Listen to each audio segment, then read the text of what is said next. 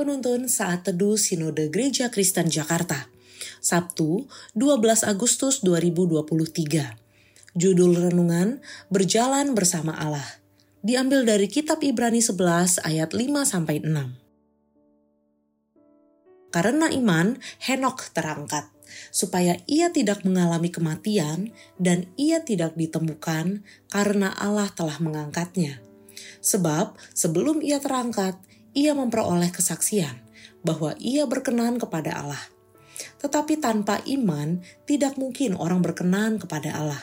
Sebab barang siapa berpaling kepada Allah, ia harus percaya bahwa Allah ada dan bahwa Allah memberi upah kepada orang yang sungguh-sungguh mencari dia.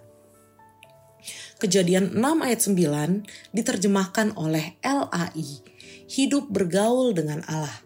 Di dalam terjemahan aslinya, artinya berjalan dengan Allah.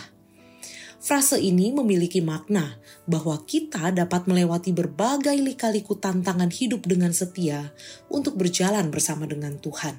Contoh tokoh berjalan bersama Tuhan dapat kita lihat dari kehidupan Henok dan Nuh. Henok tidak mengalami kematian karena Allah telah mengangkatnya. Sebelum ia terangkat, ia memperoleh kesaksian bahwa ia berkenan kepada Allah. Henok adalah anak dari Yaret, merupakan keturunan keenam dari Adam. Dilahirkan 622 tahun setelah Adam dan hidup bersama Adam selama 308 tahun. Nama Henok berarti orang yang dipersembahkan atau didedikasikan. Henok tetap percaya pada Allah meskipun orang lain tidak. Hal ini berlangsung selama 300 tahun setelah anaknya Metusalah lahir saat ia berumur 65 tahun. Henok mendapat wahyu tentang peristiwa besar, yaitu air bah yang akan terjadi saat anaknya lahir.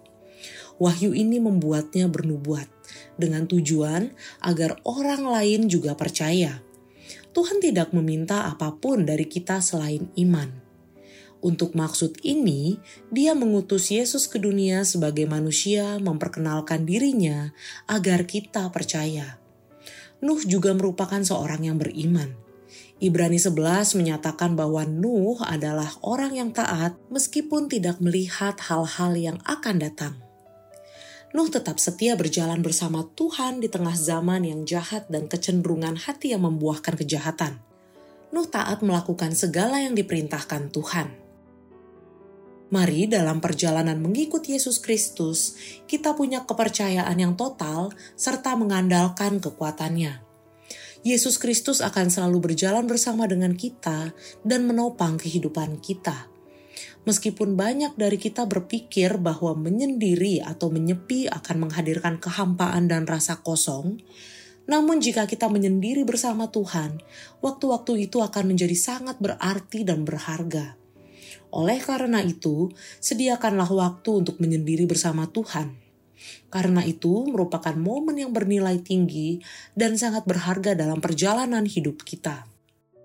Berjalan bersama Tuhan tidak menjanjikan hidup jauh dari masalah, tetapi berjalan bersama Tuhan menyediakan kekuatan dan pertolongan untuk melewati lika-liku tantangan hidup. Kiranya Allah memampukan kita.